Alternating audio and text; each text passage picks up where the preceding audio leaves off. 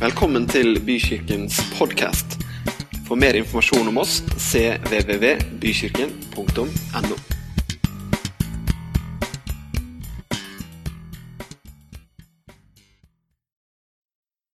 Jeg har tenkt å snakke litt om vår identitet som kristne og etterfølgere av Jesus.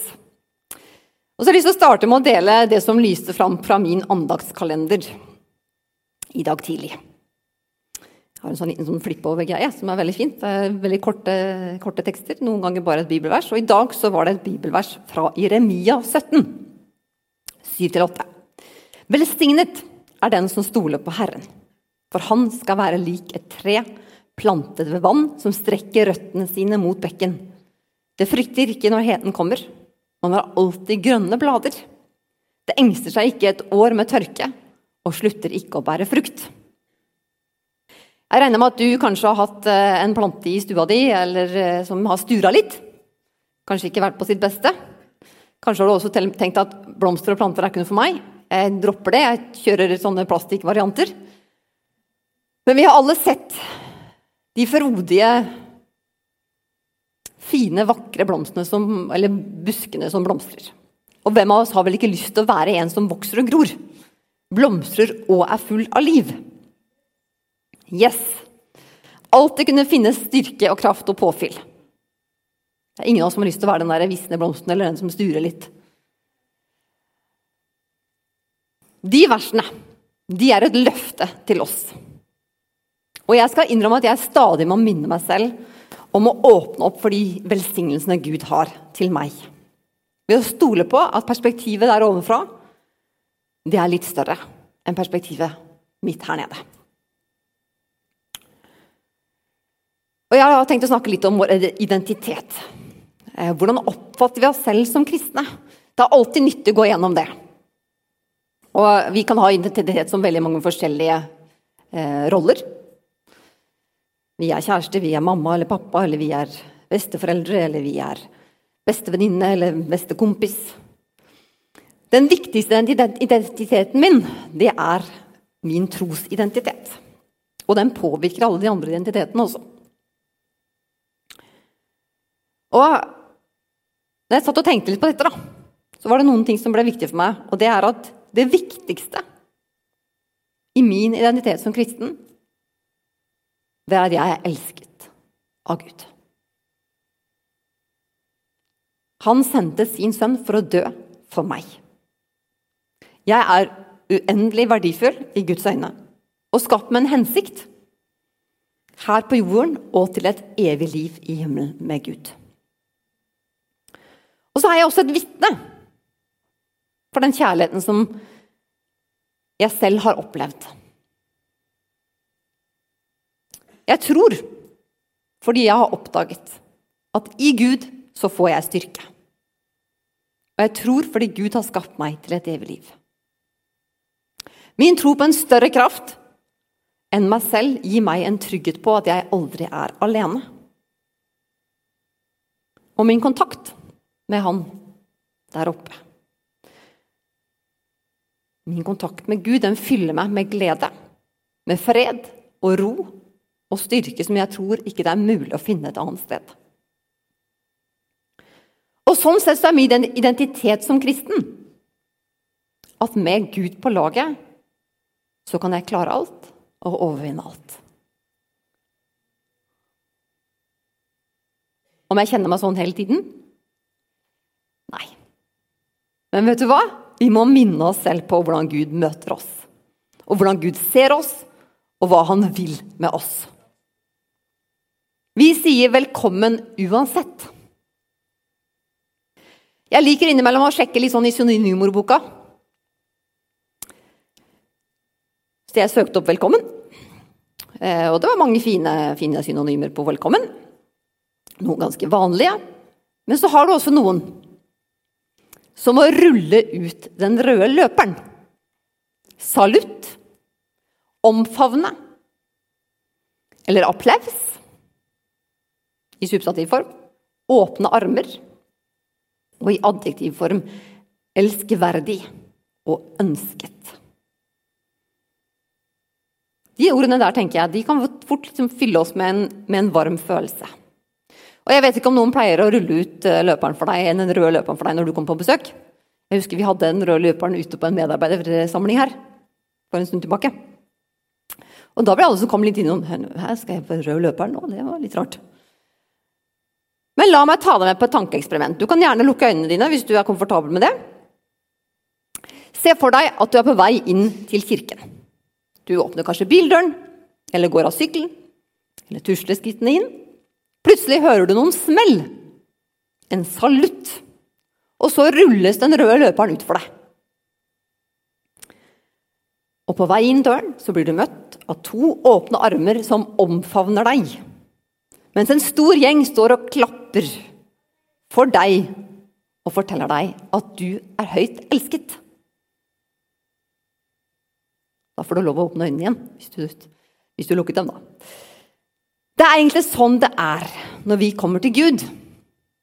Enten det er første gang, eller det er den tusende gangen. Vi er ønsket, og vi er velkommen.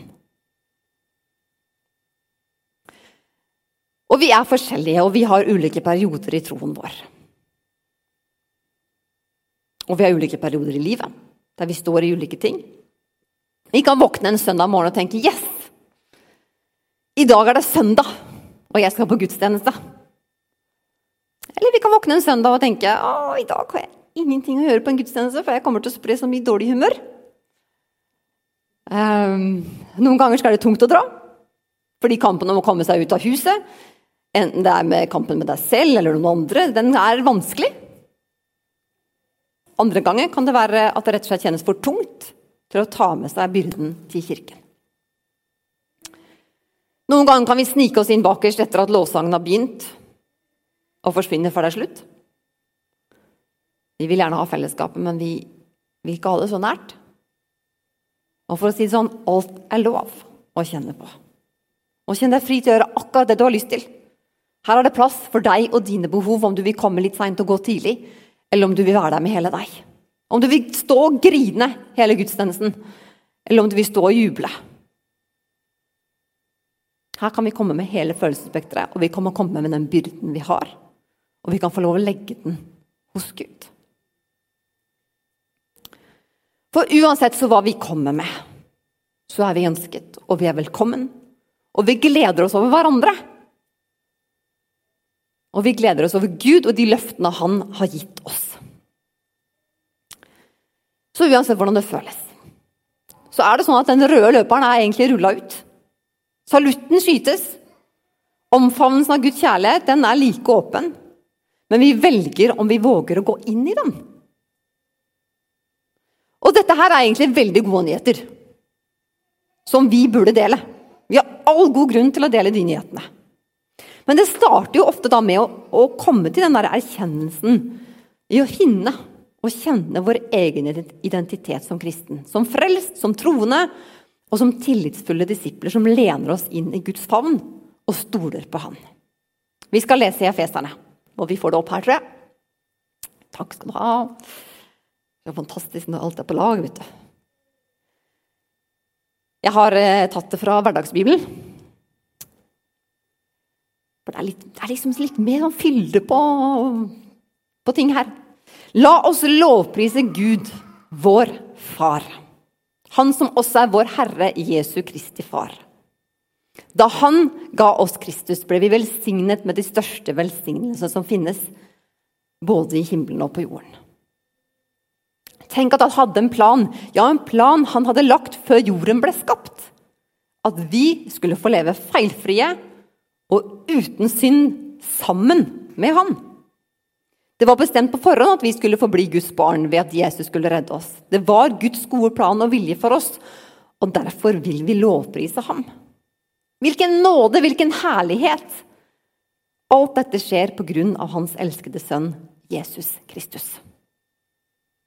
På grunn av Jesu død for oss blir vi befridd fra syndens makt. Vi får tilgivelse for våre synder av Gud selv. Så stor og nådig er Gud mot oss. I generasjoner var Guds frelsesplan som et mysterium for menneskene. Men nå har Gud, i sin godhet, gjort den kjent for oss. Så lenge det er tid igjen på jorden, finnes det bare én måte å komme til Gud på, og det er gjennom Jesus. Alt handler om ham, og det er Jesus som føyer oss sammen. Det er en fantastisk tekst. Og I den teksten så er det mange sannheter vi kan dvele med. Du kan gjerne bare la den stå der. Ingen av oss er her uten en hensikt. Vi er skapt til fellesskap med Gud. Vi er skapt med en plan, plan, hver og en av oss. Og Gud har utvalgt deg og meg til å være hans barn, feilfrie og uten synd med ham. Det der er en velsignelse langt utenfor vår forståelse. Jeg kan innimellom kjenne på den der overveldende, boblende følelsen av akkurat den velsignelsen der. Jeg har den ikke sånn 100% hele tiden, og da tenker jeg at kanskje det hadde vært litt mye. Det hadde blitt litt mye. Men, men allikevel er det noe med å søke den følelsen. Hver dag så forsøker jeg å stå opp og gi meg selv noen minutter til å se ut på enten soloppgangen eller ut på vinden og naturens krefter for å minne meg selv om hvor utrolig stor Gud er. Og et forsøk på å ta inn Guds velsignelse. Men det finnes dager der jeg ikke får tid til det. Stresset i kroppen er allerede der før når alarmen ringer og man blir bråvåkner. og Det er bare å hoppe ut av sengen og bare, selv om man ikke føler seg klar for en ny dag, så er det bare å kjøre på. Og da rekker jeg ikke alltid å ta den der bevisstheten på Jeg er frelst og rettferdig og himmelen verdig. Jeg rusher bare videre. Men den bevisstheten om hvem vi er og hva vi tror på, og vår tillit til vår store Gud, den gjør faktisk en ganske stor forskjell i møte med oss selv, i vårt hverdagsstress, men ikke minst i møte med vår neste. Det er en utrolig stor nåde og herlighet som vi bør liksom dynke oss selv ned i. Vi er Guds barn!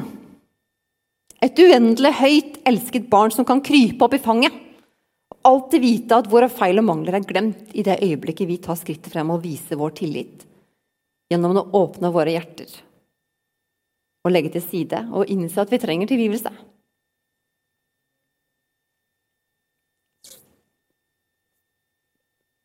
Jesus er vår frihet fra syndens og dødens makt. Og Jesus har gjenopprettet vår kontakt med Guds storhet å ta imot Jesus som vår frelser. Redningsmann er eneste veien til Gud, står det. Eneste veien til liv i stor velsignelse. Og Jesus føyer oss sammen med Gud. Den siste uka har det vært en sak på VG. Jeg har ikke gått inn og sett på den. Eh, men jeg, det sto et eller annet sånn i overskriften 'Å være kristen betyr at du alltid gjør noe galt'. eller noe sånt. Den lå der så lenge at jeg ble irritert, jeg, for den dukka liksom opp hele tiden. jeg var inne og skulle holde meg oppdatert. Um, og Grunnen til at jeg ble irritert, er at det er en misforstått oppfatning om Gud. Og jeg blir irritert fordi det er en feil oppfatning om hvem vi som kristne skal være. Og Folk uttaler jo ikke sånn bare fordi at de tror Gud mener det, er fordi at noen mennesker har satt opp noen strenge regelregimer en eller annen gang. Og jeg tror det var det det handla om da, i en annen sammenheng. Men jeg vil si at det galeste du kan gjøre i kristen tro, er å ikke ta imot Jesus som din frelser. Gud står ikke med boken i hånden og siler eller graderer dine feil og mangler, men i Guds øyne så er du og jeg feilfrie. Gud ser oss gjennom Jesus, som døde for oss. Så skal ikke jeg si at vi, vi må jo på en måte komme og si vi må innrømme våre feil og gi hjertet vårt. Og la oss bli gjennomstyret av den kjærligheten. Men vi trenger ikke holde noe tilbake. Ingenting. Frelsesplanen til Gud er ganske enkel. Og så utrolig raus. Skal, skal, vi ikke gjøre noe annet enn å gi hjertet vårt til Jesus? Kanskje opplever folk at det er for godt til å være sant. Eller kanskje det å overgi seg er for vanskelig. Stole fullt og helt på en annen en kraft og en makt som jeg ikke ser. Jeg husker at um, vi i skolelagene hadde sånne hvor man liksom stilte seg skulle, Noen sto bak og holdt, så skulle man lene seg bakover for å vise at man stolte på noen. en øvelse i tillit. Um, jeg har gjort den med jentene våre litt sånn innimellom. Uh, jeg syns alltid det var veldig gøy når liksom de regnet med at jeg sto her og tok dem imot, og så plutselig bare ledde jeg meg hit. Uh, for da blir jo den der suget i magen Hva gjør du, mamma? Men når de er små nok, så er de jo så tillitsfulle at de, de gjør det og er helt, helt avslappa.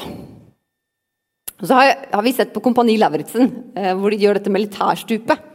Du står to-tre meter opp og skal bare lene deg bakover.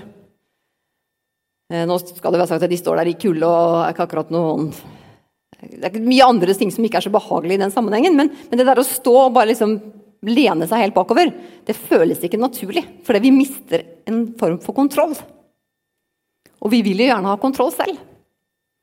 Og det er jo noe med, dette, med, med det der med frelsen og det å ta imot Jesus òg. Frelsen er på mange måter en øvelse i tillit. Vi må stole på at Jesus døde for oss. Vi må stole på at Gud elsker oss overalt, og akseptere at vi er uendelig verdifulle i hans øyne. For godt til å være sant.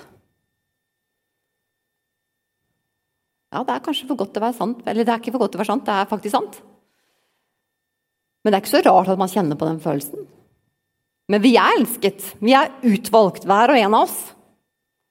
Og vi er skapt med en hensikt, og til fellesskap med Gud. Jeg tror alle mennesker har et forhold til tro, enten man tror eller ikke tror. Enten vi tviler, eller at vi lener oss all in. Og kanskje ikke alltid 100% hver dag, men at vi lener oss all in. Det forholdet til tro, det preger oss. Det kan handle om andre kristne. Men først og fremst så bør det handle om vårt eget forhold til Gud. For noen så er det å, gå i kristen, det å være kristen det er å, å gå i kirken i ny og ne, kanskje delta ved noen høytider, markere noen milepæler i livet med troen som en vesentlig rød tråd. For andre er det noe som ligger i oss fra vi var barn, men som kanskje vi ikke kjenner så veldig til i dagliglivet. For noen så kan det ha vært så altomfattende i livet at, at man plutselig kjente at det var noen andre som bar troen for deg. Og at det handlet mer om å henge med i en gjeng eller gjøre det andre forventer at man skulle gjøre. For meg så er det å være kristen og det å tro, det er å ha min egen erfaring og hjertekontakt med Gud. Jeg kan ikke overlate til andre å bære min tro. Jeg kan ikke overlate de andre å ha kontakt med Gud. Vi følger ikke andre Jesus-etterfølgere, vi må følge Jesus selv. Og fordi vi er forskjellige mennesker, så kommuniserer vi også kanskje forskjellig med Gud. Og det tror jeg vi skal ha respekt for. Jeg husker jeg tidligere var veldig opptatt av hvordan andre kristne så på meg. Sto jeg riktig, hadde jeg liksom riktig bevegelse på armen? Er det, er det greit her? Eller Ber jeg godt nok? Jeg, bruker jeg de fine, riktige ordene som alle de andre? Når jeg egentlig hadde lyst til å bare sette meg på stolen og høre på lovsangen og kjenne å krype sammen på en stol, kunne jeg liksom gjøre det. Jeg noen ganger tenker, Snakker jeg om Gud like kult som Gunnar Bekkevold? Nei, jeg gjør ikke det. Men hva så? Leser jeg nok i Bibelen? Kan jeg like mange bibelvers utenat som veldig mange andre? Og dere som sitter rundt her? Det der er ikke betydningsfullt, vet du. Identiteten vår som kristne handler ikke om det ytre. Det handler om det indre i oss og kontakt med Gud. Det er meg og Gud, ikke meg og Gud og alle dere andre. Det er meg og Gud. Og så er det noe med at når vi samles og i fellesskap, så kan vi få en enda sterkere opplevelse av meg og Gud. Og så kan vi få lov å dele tro. Men det er allikevel meg og han som er det viktige. Vi skal ikke bli noen andre enn oss selv. Den relasjonen vi bygger med Gud, den er vår, min og din. Og vi kommer ikke nærmere Gud etter ved å harme etter andre. Vi kommer nærmere Gud når vi tar det skrittet vi vet at vi trenger å ta for å komme tettere på. Kjenne mer av Guds kjærlighet.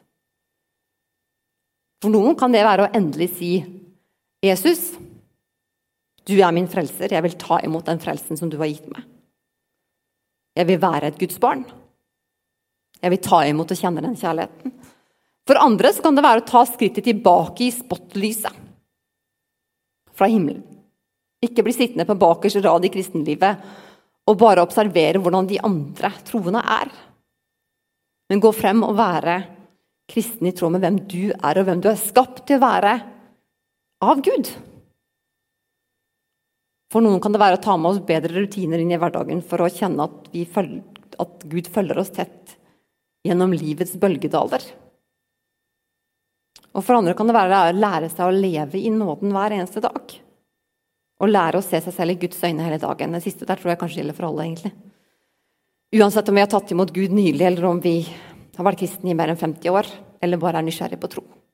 Å forstå nåden, det er ganske vesentlig.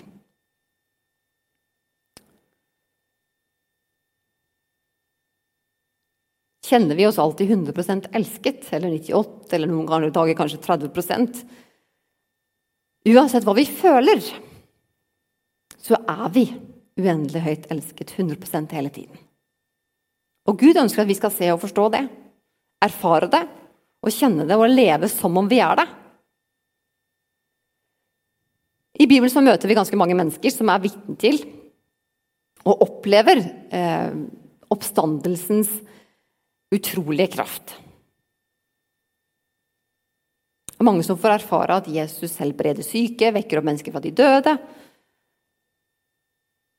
Og røveren på korset, som, som, ikke bare får en invitasjon til å bli med Jesus til paradis, men faktum at Jesus sier du skal vite at i dag skal du være med meg til paradis.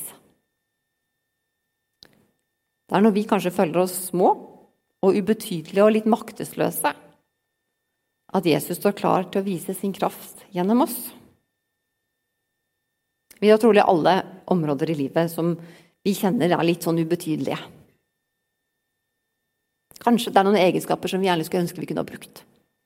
Kanskje det er noen deler av oss vi kjenner at ja, men hvorfor kommer ikke jeg på plass akkurat i de tingene der? Men kanskje er det akkurat der Gud ønsker å gjøre et nytt oppstandelsesmirakel. Jesus gjorde sine største mirakler blant helt vanlige folk. I de mest ubetydelige byene til de mest ordinære tidene. Det var ikke sånn at miraklene skjedde i tempelet i Jerusalem. De skjedde i utkanten av bitte små landsbyer. Hvis du kjenner at du akkurat nå er på et litt sånn ubetydelig sted, så kanskje du heller ikke skulle tenke på at Kanskje du skulle tenke Nei, unnskyld. Hvis du kjenner at du er på et litt ubetydelig sted, så kanskje det er det perfekte stedet for at Guds makt kan reise opp, skape forandring eller bryte ut. Hva forteller du deg selv når du står i speilet på morgenen? Eller hva forteller du deg selv når du kjenner at det røyner litt på? Når man leser salmene i Bibelen, og svinger det mellom ganske dype, mørke tanker og lovprisning. Selv når David ser svart på livet, og nok har ganske gode grunner til det òg, da retter han blikket mot Guds løfter og minner seg selv om alt det Gud har gjort, og fortsatt kan gjøre. Og Det er selvfølgelig lov å kjenne på maktesløshet og fortvilelse. Men som i salmene så kan vi velge å oppmuntre oss selv med at vi stoler på Gud.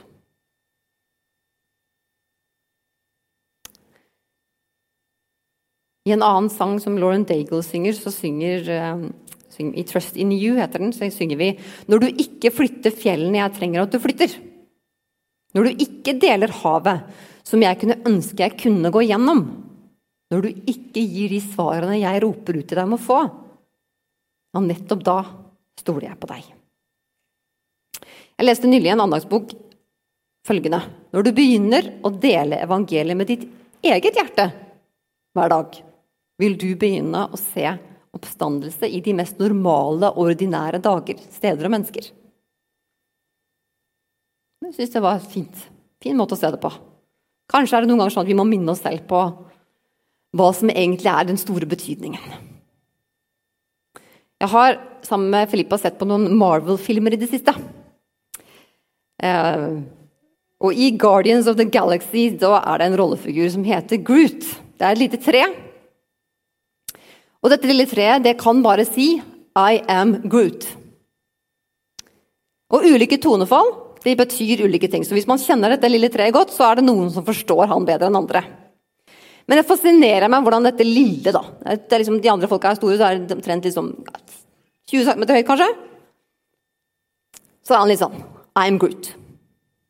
Og det kan han gjenta liksom, til det uendelige. Til det kjedsommelige for de andre. for de blir sånn, å, er det mulig? Ja, vi veit at du er Groot. Uh, men det er den derre holdningen som fascinerer meg. For hva om jeg og du virkelig kunne kjenne hver dag og si med rak rygg og stolthet Jeg er oppreist med Kristus. Jeg er elsket. Jeg lever under nåde. Jeg er frelst. Og si det med den der stoltheten som du vet du har inni deg. Tenk hvordan kroppsspråket ditt er når du sier det. For det er lett å si 'Ja, jeg vet jeg elsker deg, Gud'. Ja, jeg elsker deg, Gud. Man kan, Dere ser det for dere. Dere har sikkert gjort det mange ganger. Sittet med en eller annen stressende oppgave og tenkt 'Ja, ja, men Gud, Gud passer på meg'. Det er sånn Gud passer på meg! Jeg vet det! Og jeg reiser meg med den kraften. Si det med full overbevisning og med den holdningen 'Jeg kan overvinne alt'.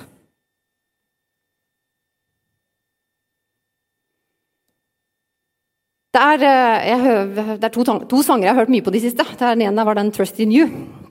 Og den andre er en annen av Lauren Daigle som heter 'Rescue'. Og Jeg skal bare lese litt av den sangteksten. You are not hidden. There's never been a moment you were forgotten. You are not hopeless, though you have been broken, your innocence stolen. I hear your whisper underneath your breath. I hear your SOS, your SOS. Du er ikke gjemt. Det er ikke et øyeblikk du er glemt. Du er ikke håpløs selv om du har ødelagt din uskyld stjålet. Jeg hører deg hviske. Jeg hører ditt rop om hjelp, ditt SOS. Gud ser, ser oss. Han ser deg hvor du måtte befinne deg. Du er ikke glemt. Og uansett hvor mørkt det må kjennes ut innimellom, selv når du har gjemt deg vekk fra Gud, så ser han deg. Videre i, i sangteksten så sies så, så, er følgende Jeg tar meg på norsk. Jeg vil sende ut en armé for å finne deg. Midt i den mørkeste natt. Det er sant, jeg vil redde deg. Det fins ingen avstand som er uoverkommelig. Igjen og igjen. Du er ikke forsvarsløs, jeg er ditt skjold. Jeg er ditt vern.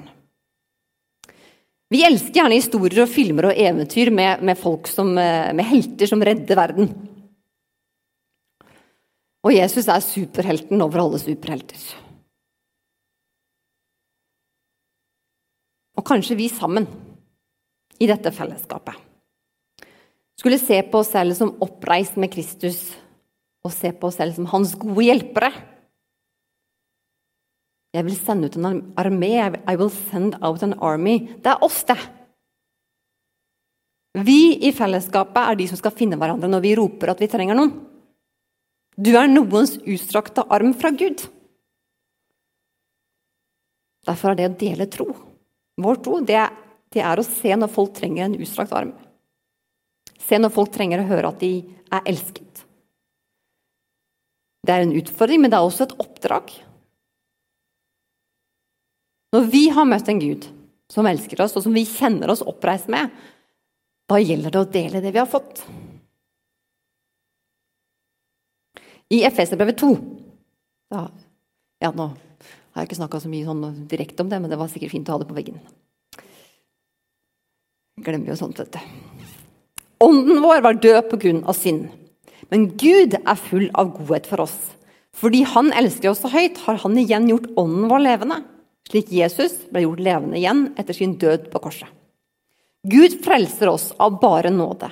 Han setter oss sammen med Kristus, og slik blir vi sammen med ham opphøyet i den himmelske verden. Slik vil mennesker til alle tider få kunne oppleve Guds overveldende godhet og rikdom på grunn av Jesus.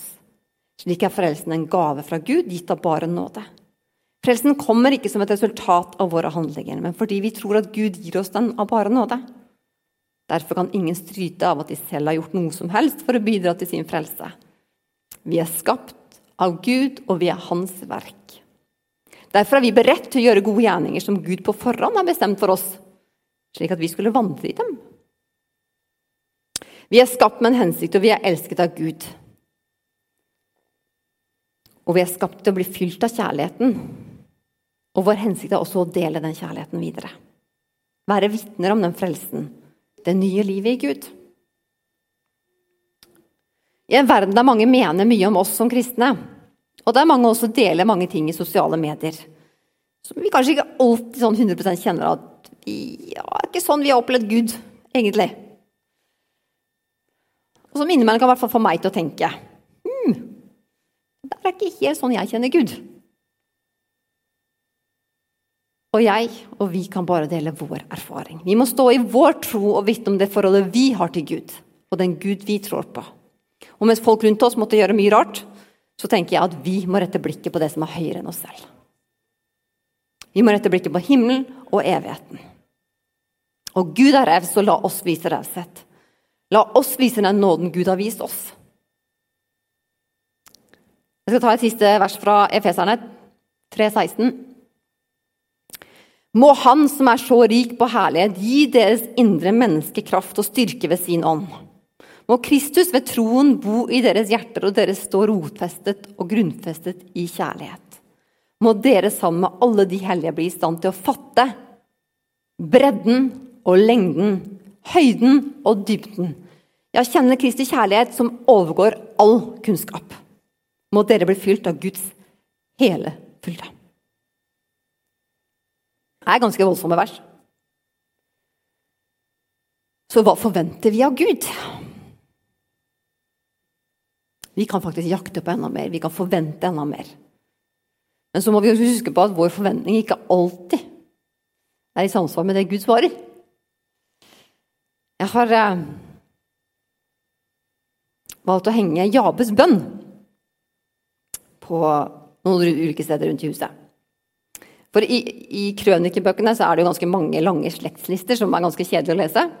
Jeg vet ikke om du har prøvd deg på det, men de fleste blir litt sånn ok, det var navn på navn på navn, og han er faren til den, og den nye, ja. Men innimellom så kommer det noen sånne overraskende setninger, og det er det som er greia med Jabes. da. For i første krønikebok 4.9 så står det noen vers om han. Og det står at han ber en bønn, som det egentlig har blitt skrevet bøker om, og som har fått mye oppmerksomhet i disse to setningene.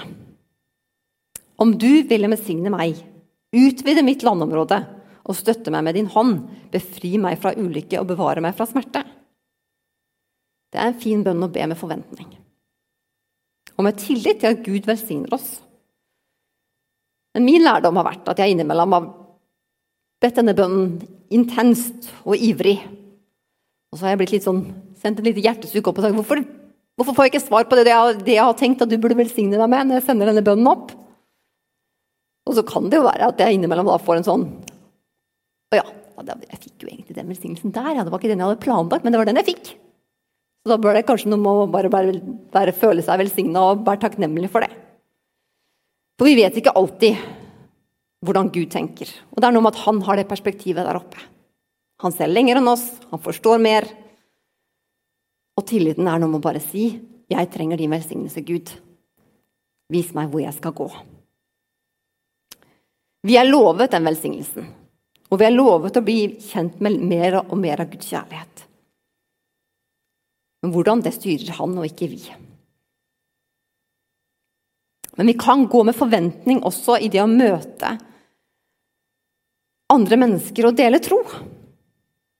Kanskje bygges det en bro til et annet menneske som du ikke var forberedt på.